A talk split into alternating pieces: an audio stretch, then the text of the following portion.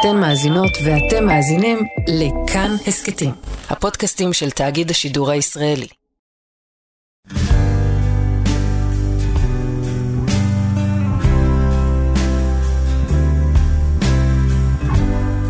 אתה לוקח איזו הרגשה ומפסל אותה עד שהיא נהיית שיר. איך שלא תסתכלי על זה, אנחנו מתרחקים. לא בא לארוחות, לא שומר על קשר עם כולם. עולם הפנימי של שני אנשים שאמורים להיות מחוברים, זה לא קורה. fuck, איך זה יכול להיות? זה הדבר הכי טבעי. הדובה והגורים, ואני והילדים. איך זה יכול להיות שיש שם נתק? היית קונה לי ממתקים, שיפסיק לצעוק.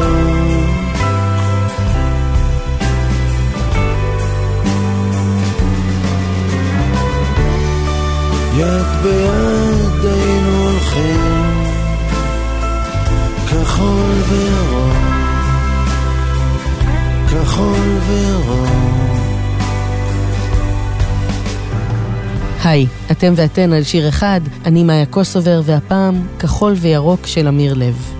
שיר שיש בו תמונה של אימא ובן, רגע בזמן שלא יחזור, וטמון בו כאב המרחק שהוא גם מחיר החופש, להיות מי שאתה.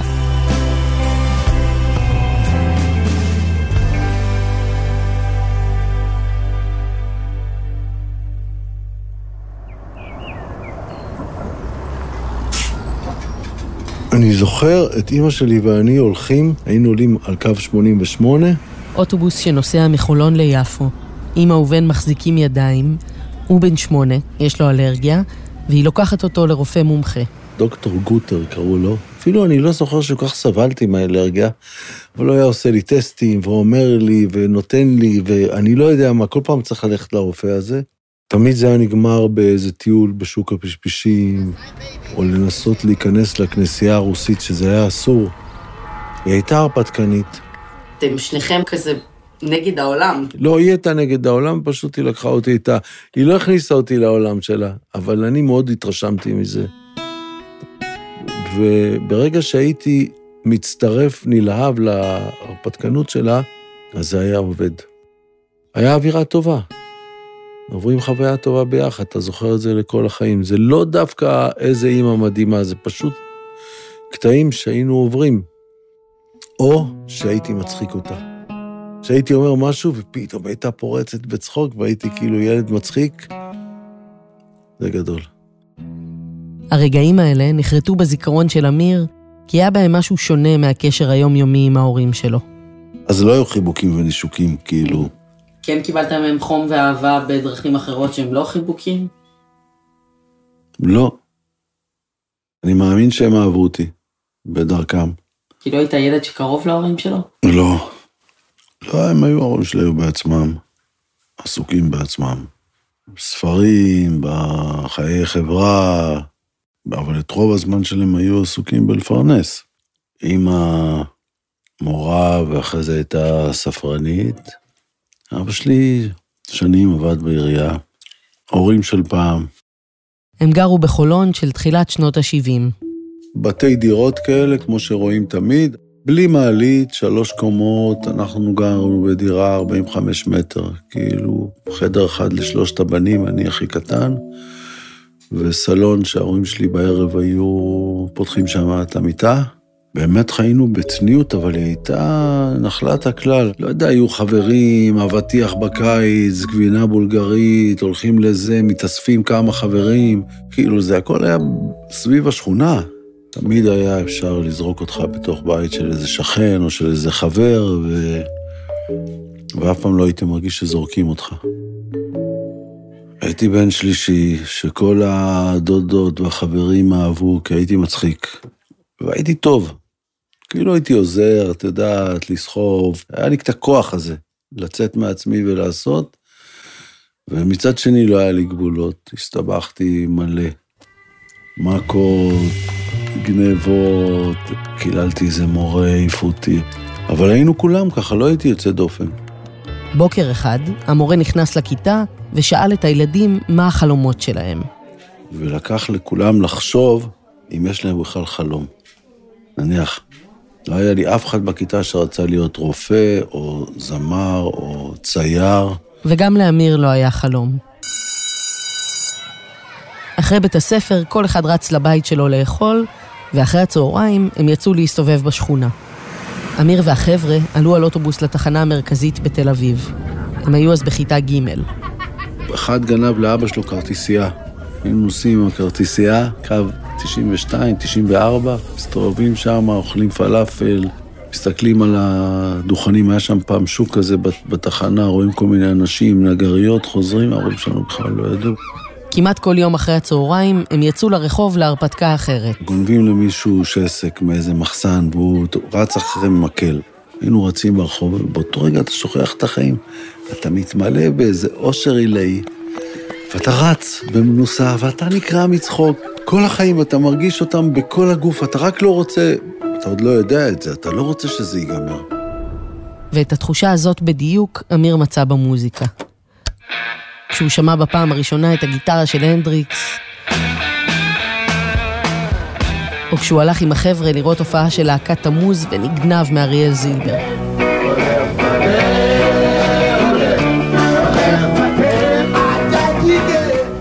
ואחרי זה את שלום לבד, אדם בתוך עצמו וכל הזה, הרוק נכנס. העולם המוזיקלי החדש שהוא גילה היה רחוק מהמוזיקה שההורים שלו אהבו. ההורים שלי שמעו מוזיקה קלאסית בבית. אבא שלי היה פותח ביום שבת מוזיקה קלאסית, והוא עומד עם ידיים מונפות בסלון, כגודל הדרמה שמתחוללת שם, המוזיקה, הייתי מת מזה. וההורים שלי לא אהבו את המוזיקה שאני שומע. איך שהייתי פותח מוזיקה, אומרים לי, תנמיך. בגיל 16 אמיר קיבל מחבר בשם שי לנדרר מתנה. הוא לא ידע עדיין שהיא עומדת לשנות לו את החיים. הוא הביא לי איזה גיטרה של אחותו, איזה גיטרה קטנה, עם עשר אגורות, כאילו לא היה מפרט, והראה לי איזה שני אקורדים. ואז כולם מנגנים, בית השמש העולה וכאלה. ועברתי ממצב של לא מנגן למצב של ארבע שעות ביום. הייתי עושה את כל החיים של הבלגן, של חולון וזה, ונכנס הביתה מישהו אחר. אבא שלו הסכים לקנות לו גיטרה חשמלית, אבל בלי מגבר, כדי שלא יעשה רעש. אז חבר לימד אותו שאפשר לחבר את הגיטרה לרדיו ולתת בראש. הייתה לנו להקה שכל הבנות אהבו את שי, כי הוא היה מנגן שירים כאלה של שלום. וכל הבנים אהבו את שלי, כי הייתי מנגן פאנק כזה. אין לי איפה לזרוק את האפר, אנשים הם פסולת, הייתי חזק בפאנק. ההורים שלו לא האמינו שיצא משהו טוב מהרומן עם הגיטרה. הם זלזלו בזה אפילו. כל המשפחה הייתה מאוד uh, סקפטית על הדבר הזה שבן אדם לומד עם גיטרה לבד, בלי מורה, ואני לא הצלחתי להתמיד. הייתי כזה ילד של שכונה, העיפו אותי מהתיכון פעמיים, ותמיד היה לי מורים פרטיים, הכריחו אותי בשביל משהו לעשות, והעיפו אותי בתוך הבית ספר מכיתות. לא הייתי מופרע, פשוט לא הייתי במסגרת. הם חשבו שאני עובד על כולם, באיזשהו מקום, את יודעת. בסדר. ולי זה גם לא הפריע לי, כי באמת גדלתי טף. אבל אני לא מאמינה לך. אין ילד שלא רוצה שההורים שלו יהיו גאים בו. יכול להיות שזה גרם לאיזה מתח איתם, שהיה במשך אה, שנים, חומה כזאת שהייתה בינינו. אבל היה אדם אחד שדווקא האמין בו, סבא שלו, אהרון. קלייזמר, שהיה נהג משאית והופיע בכל מיני מקומות, מצפת ועד ביירות. הוא ניגן לנו איזה שבעה כלים, והוא היה עוצר בכל מיני מקומות, והוא היה מנגן. אני ראיתי אותו מנגן רק על פעם אחת על פסנתר ועל מנדולינה ועל גיטרה, הוא התעוור באיזשהו שלב. היה איש גאה, גבוה, שני מטר כזה, והוא אהב אותי. גם היה אומר לי דברים שהוא לא היה אומר לאף אחד. פעם אחת ניגנתי לו משהו על גיטרה, והוא אמר שזה יפה, שהוא לא מכיר את המוזיקה הזאת, אבל זה יפה. אז הוא אמר לי שיש לי רגש. אמרו לי, זה הכי חשוב, זה הרגש, הרגש מהמוזיקה. אחרי הצבא, אמיר טס לעבוד בלונדון. באיזו שיחת טלפון להורים, הם סיפרו שהם עומדים לטוס לבקר דודה בשוויץ, והם קבעו להיפגש. ואבא שלי בא, נתן לי 700 דולר, והוא אומר לי, זה פעם אחרונה בחיים שאני נותן לך כסף. והחדר שלך, הפכנו את זה לחדר עבודה. ניסיתי לי פה משרד וזה. גם, את יודעת, לא הבנת מה הוא רופא, מה הוא צריך משרד בבית, כאילו, ומה אימא שלי עובדת בבית. אבל אתה לא חוזר, וזה נראה לי סבבה. אני שמחתי על ה-700 דולר, זה היה בשבילי כמו 70 אלף. הכל היה בסדר. אף פעם לא חשבתי איזה איש קשוח, אבא שלי. לא שזה לא פגע, אבל אני הבנתי איזה לחץ שהם רוצים לצאת לפנסיה עוד מעט, עכשיו אני אחיה, הם לא יעמדו בזה, מה הם... הפחד שלהם. אמיר חזר לארץ ושכר דירה קטנה בבאר שבע. ההורים, שהיו מודאגים מהעתיד של הבן שלהם, הצליחו לשכנע אותו להירשם ללמוד במכינה לאוניברסיטה. והייתי בבדידות מטורפת. שאתה לא חושב שאתה יכול לצאת מזה כבר. אתה כבר כל כך עם עצמך, והבדידות הזאת היא בסוף מובילה אותך לדיכאון. על השבוע השני הלכתי לצער בעלי חיים, הבאתי איזה כלב שחי איתי איזה 14 שנה, צ'מפ קראו לו. היה איזה בן של השכנים, היה דופק בדלת, אמרו לי, צ'מפ בבית, אפשר לבוא אליו. לא, הוא הלך. היה נכנס לשחק עם הכלב, זה הכל נראה לי הגיוני. ובימי שישי שהייתי נשאר, המשפחה שליד, הייתה מזמינה אותי לארוחת שישי, חיים, וזה האוכל הכי טוב בעולם. וניגנתי, כל הזמן ניגנתי וניגנתי, כתבתי שירים. שנים אתה מחפש אותך ופתאום אתה מוצא את עצמך את השירים הוא הקליט על קסטות וחילק לחברים שלו שטסו לטייל בדרום אמריקה כדי שיאזינו בווקמן. עברה שנה מטורפת. טוב, כל הלימודים, כל הבלאגן. זהו, קצת, הכרס, אתה לא רואה פה, קצת גדלה הכרס. השיר הראשון זה כזה על מה שקרה פה, כל הסיפורים האלה. העיניים האדומות, הרופא אמר דלקת, אבל אני שירי סאטלה כאלה, אני גמור, אני מסטול, אני עייף, אין לי כוח ללכת, מי יבוא ויקח אותי ויראה לי את הכיוון. הקסטות האלה התגלגלו מחברים של אמיר למטיילים שבכלל לא הכירו אותו, ולשירים שלו נהיו חיים משל עצמם. דיברתי הרבה היום על עצמי ועל הטייפ. הנה, יש לו קצת מקום.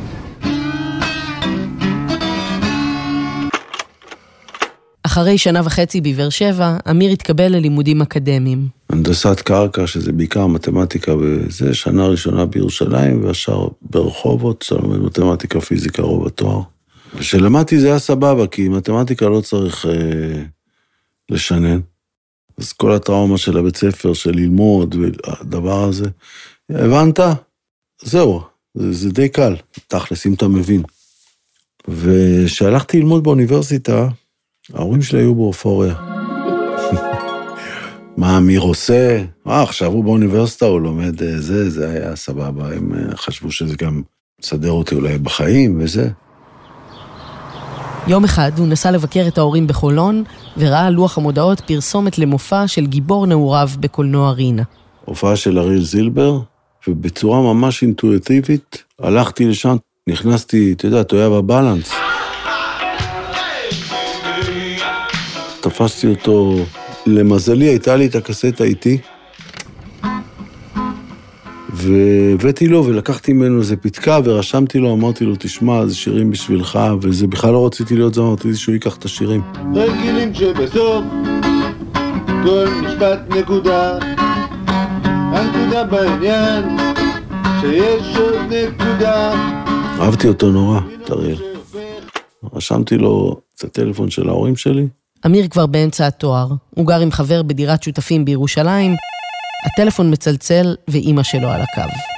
אימא שלי אומרת לי, תשמע, אריאל זילבר התקשר, שאלתי אותו את המספר, אז הוא אומר, עזבי את המספר, תגיד לי את הכתובת. נתתי לו את הכתובת שלך בירושלים, הוא אמר לי שהוא, יש לו הופעה ביום חמישי, אני זוכר, בירושלים, והוא יבוא אליך. הוא ניתק את השיחה, קלט שזה יום חמישי, ושלח את החבר לקניות. אמרתי לו, לך לעיר העתיקה, תביא קובות וזה, מה להגיש וזה. הוא מגיע ביחד עם אריאל בדלת. אני כל כך התרגשתי מזה שאריאל בא אליי הביתה. אהלן, מה נשמע? מדבר עכשיו, אריאל הבן אדם הכי חמוד בעולם, הכי אוהב אדם. גם מופרע וזה. הוא אומר לי, תשמע, אני ממש אוהב את השירים שלך, אני הולך לעשות מזה אלבום. אני בשמיים. בערב הם הלכו להופעה של אריאל זילבר.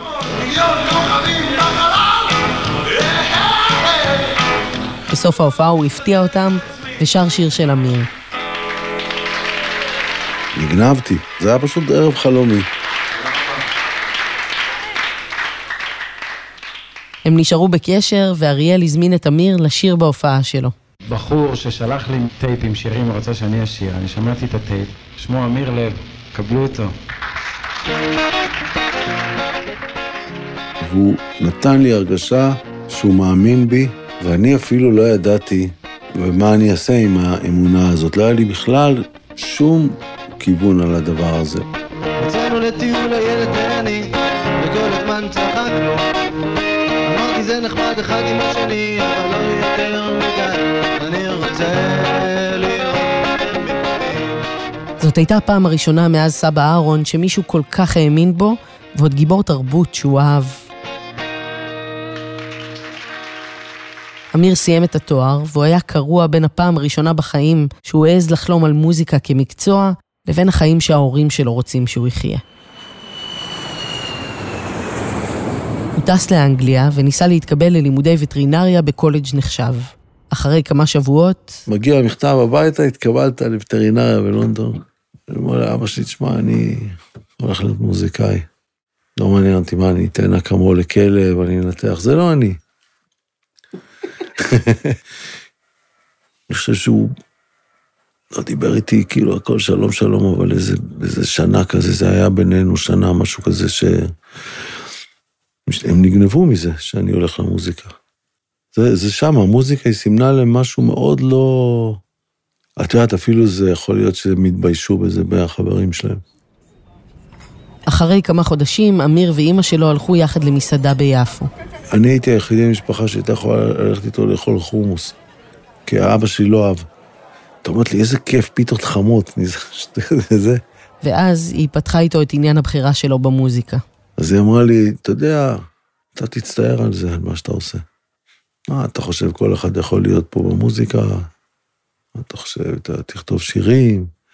אתה בכלל, מאיפה זה בא לך? אף פעם לא שרת, לא למדת לנגן? מה אתה עושה? לא לך כלום. את יודעת, סטייל כזה, אתה תעבוד בתור מחלק עיתונים כאלה, לא, לא זוכרת איזה מקצוע היא אמרה לי. תעביר מכוניות, משהו שעשיתי.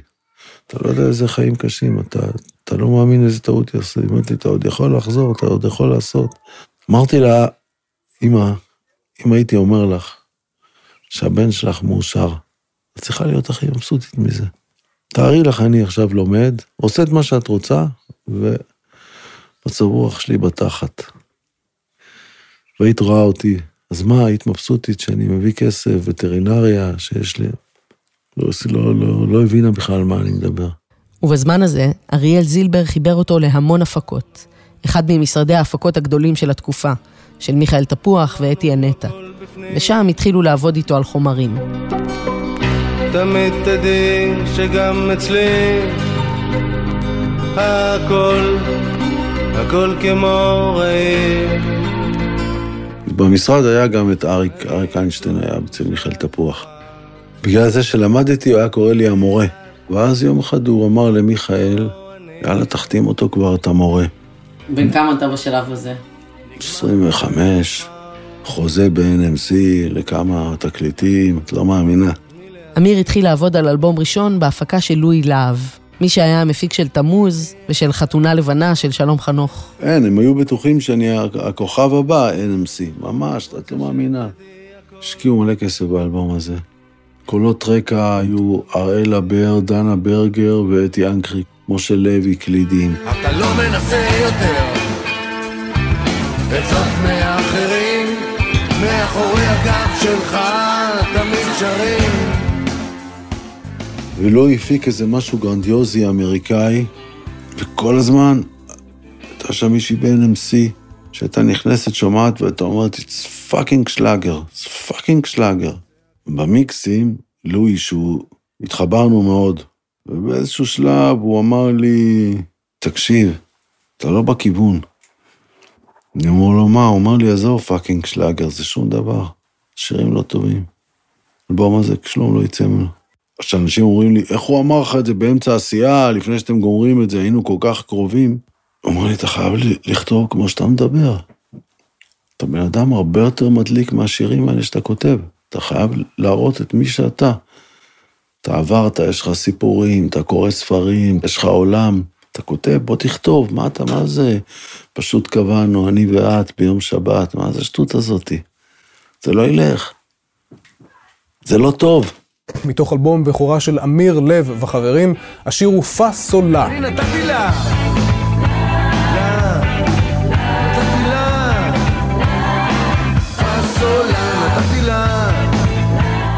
מתוך אלבום הבכורה של אמיר לב, אמיר לב וחברים, שיר הנושא והוא נקרא "רוצה לראות אתכם במקומי". יצאנו לטיול, ואני לואי צדק. האלבום הראשון היה התרסקות. רק 600 אנשים קנו אותו. הביקורת שלו הייתה כל כך אמיתית ונוקבת, שאמיר הפך אותו למנטור שלו לכתיבה. הוא לימד אותי, זה לא לימד אותי לכתוב, לימד אותי להיות מחובר לעצמי. הוא אומר לך, יש לך את הסיפור שלך והוא מוצדק, כי אין אותו לאף אחד. לואי נסע לעבוד בארצות הברית, ואמיר היה הולך לסניף הדואר בתל אביב, ומשם... שולח לו בפקסים את השירים שאני כותב, אריה ורותי וכל אלה. הוא היה לו משם חשבון חופשי, היה מתקשר לדירה שלי ברחוב מה זה. מדבר איתי שעות, מסביר לי. בסדר, בסדר, אני יודע שאתה חושב שזה משפט מגניב, אבל זה לא עובד לי, מה רצית להגיד? תכתוב לי עכשיו בדיוק את מה שרצית להגיד, בלי שיר. תשלח לי את זה.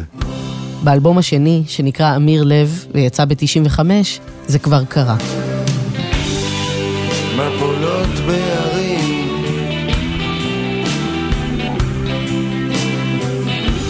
חשבו שזה יקרה באיזה יום עצוב ביקורות נהדרות יש על התקליט החדש שלו, אה, מספר 2, והביקורות הטובות האלה שכנעו גם אותנו לארח אותו הבוקר באולפן שלנו, אמיר לב. השירים נוגנו ברדיו, וההופעות היו מלאות. ההורים שלי היו בכמה הופעות שלי, לא בהרבה, אבל הם אה, אמרו לי, תשמע, זה מתחת לכל ביקורת.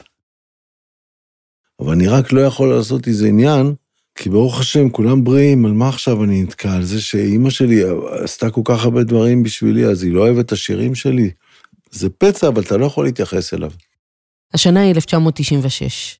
אמיר בן 34, מוזיקאי מוערך שכדי להתפרנס, גם מלמד גיטרה במתנס ביפו ומגנן בחצרות של בניינים משותפים.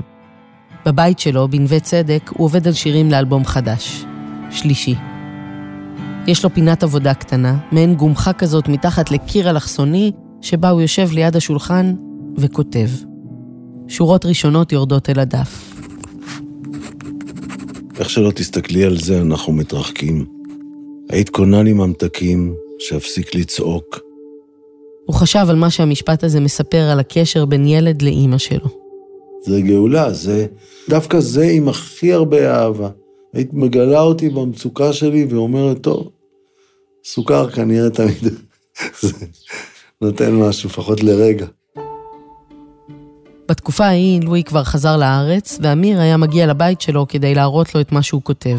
הוא אומר לי, חסר לי שם עוד משהו, חסר לי שם איזו הסתכלות חוץ גופית שלך על עצמך, ואני אומר, what the fuck, מה, הוא מדבר, מה זה חוץ, איך אני יכול לדבר על עצמי חוץ גוף, מה אני... הוא אומר לי, לא, תראה את הסיטואציה, זה אתה אומר, היית קונה לי ממתקים שהייתם הולכים באיזשהו מקום, איך נראיתם? תחפש שם. ואתה הולך ואתה, אתה רק עם זה היית קונה לי ממתקים. אתה חושב על הדבר הזה, מה זה חוץ גופי, איך אני... עד שאתה עולה על התמונה. התמונה שעלתה לאמיר בזיכרון הייתה של אחת מהנסיעות שלו ושל אימא שלו לרופא האלרגיה דוקטור גוטר ביפו. זה היה יום גשום. אני זוכר את אימא שלי ואני הולכים, ופתאום חשבתי איך נראינו. היא הייתה ירוקה, ואני הייתי עם איזה מעיל כחול. היה לי כזה מעיל כמו דובון צבאי, שאז היה באופנה והייתי ילד. פתאום ראיתי את שנינו מהצד, הולכים, היא נותנת לי יד, מחכים בתחנה של 88. אמרתי, ככה ראו אותנו כולם. היו מסתכלים, היו רואים את האימא, והוא עם הדובון ככה לידה, הילד הקטן. ועם התמונה הגיעה השורה החסרה. יד ביד היינו הולכים, כחול וירוק, כחול וירוק. במשך ימים הוא ישב בגומחה, חיפש את המילים המדויקות. אני עם הדף, וכל פעם שאני מתחיל לכתוב אחד חדש, אני תולש את הדף, שם אותו לידי עם מה שכתבתי, מעתיק אותו על חדש, עם המשפט החדש או המילה החדשה שהוספתי. אף פעם המילה, ואני לא כזה באדם מסודר, לא תהיה כתובה למעלה, מוחק וכותב למעלה במקום. לא יכול להיות שזה יהיה כתוב ככה, כי זה לא בא אחרי זאת שמחוקה. זה הדבר הנכון, שיבצתי אותו, הוא צריך להיות ככה, אתה לא יכול לראות אותו בתור תוספת. זה, זה חולני, וזה לא קשור לשום מקום בחיים שלי, רק שם זה קורה. אמיר סיים לכתוב את השיר.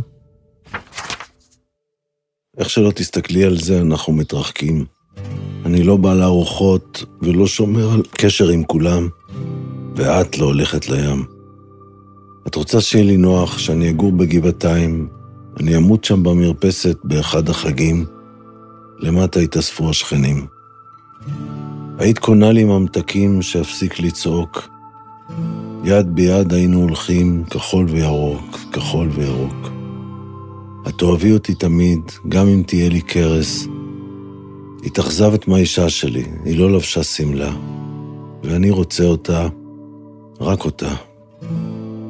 היית קונה לי ממתקים, שאפסיק לצעוק. יד ביד היינו הולכים, כחול וירוק, כחול וירוק. אחרי שיש אותו, אתה שר את זה. אתה תופס גיטרה ופשוט שר את הטקסט. זה לא יאומן, זה לא יאומן, אתה לא יודע. זה יש מאין, באמת אפשר אה, אחרי זה לחשוב שאולי יש איזה כוח עליון או משהו כזה, כי אתה לא יכול להסביר את זה. את רוצה שיהיה לי נוח, שאני אגור בגבעתיים? אני אמות שם במרפסת באחד החגים. למטה התאספו השכנים. זה כלום מגודל היריעה של מה שזה אומר לי. זה הכי טוב מכל מה שחשבתי שיכול לתאר את המוות, במרכאות, שהייתי מרגיש אם הייתי חי כמוהם, כמו שהם רוצים. כל הניסיונות שלי להיות את החיים שנניח הוריי רצו שאני אחיה, נגמרו בכל כך הרבה שאט נפש, כאב, ובתסכול שאני בחיים לא אוכל גם להיות כזה. וזה לא משהו שעבר, אבל זה משהו שהפריד. בגלל זה השיר הזה. ופרידה בלי געגועים אין לה משמעות. אבל למה אתה מתגעגע? למה שהיה או למה שיכול היה להיות? כן, לנורמלי הזה שהיה יכול להיות. לדבר הבלתי נתפס הזה שצריך להיות בין... כמו שיש לי עם הילדים. כשאתה כתבת את השיר הזה, אז כבר היית אבא? בטח. לכמה ילדים? שלושה. בטח. בזמן ההקלטות של האלבום החדש, הכינוי שאריק איינשטיין הדביק לאמיר הפך למציאות. הוא התחיל לעבוד כמורה למתמטיקה בבית ספר ביפו. ב-1998 יצא האלבום השלישי שלו בהפקה של אמיר צורף, והוא נקרא פעם בחיים. שלום, ברוכים הבאים לתוצרת הארץ, תוכנית המוזיקה הישראלית של הערוץ הראשון. השבוע אני שמח לארח כאן אמיר לב. זה פעם בחיים, וכל הביקורות שקראתי עליו עד עכשיו אה, אחזו חזק בכותרת הזאת, תקליט של פעם בחיים, אה, אחת מהיצירות הישראליות החשובות אה, במוזיקה. האלבום מאוד הצליח. היו בו השירים פעם בחיים, עננים שחורים, וכמובן כחול וירוק. איך שלא תסתכלי על זה, אנחנו מתרחקים. סיפרתי לך שגם היא לא ידעה שהשיר עליה? לא. עד היום. שמעתי לה את זה, שום דבר. אמרתי לה, אמא, על מה השיר? את לא יודעת את זה. אמרתי לה, את חושבת משהו פה, זה? אישה אינטליגנטית. זה, את יודעת מה? זה אולי יותר קשה מאשר לא לאהוב את השירים שלך, כי זה אומר שהעולם הפנימי של שני אנשים שאמורים להיות מחוברים אפילו באסוציאציות, זה לא קורה. כחול וירוק הפך לשיר שהוא מעין סימן היכר של אמיר לב. הכתיבה השירית, התמציתית והמדויקת, והאמת שהוא מחויב אליה גם בהופעות. וכל פעם שהייתי שר אותו, הייתי נזכר באימא שלי. אבל כל פעם, עשרות הופעות. עד שפתאום הוא הרגיש שהוא שר אותו מבלי באמת להצליח להתחבר. ואמרתי, את השיר הזה אני לא יכול לשיר ככה. כי אם אני לא שר אותו עם הרבע זעקה, עם הדבר הזה, בשביל מה שר אותו? אז הפסקתי להופיע איתו. ערב אחד, כשאמיר הופיע בזאפה, רק הוא והגיטרה, משהו השתנה. ופתאום בצורה לא מודעת, דפקתי את כחול וירוק באיזה הדרן, והתרגשתי בטירוף. ואימא שלי, בית דיור מוגן הוא ליד זאפה. אתה שר, ואתה חושב שמה זה העולם הזה, מה זה מפרידים, שתיים וחצי רחובות, עשרים קירות משמה. אתה שר לה, היא לא יודעת שהשיר הזה עליה, אתה... זה, זה הכי עצוב שיש.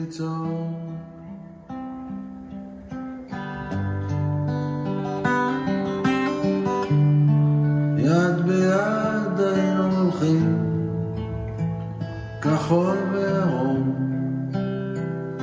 כחול וירום.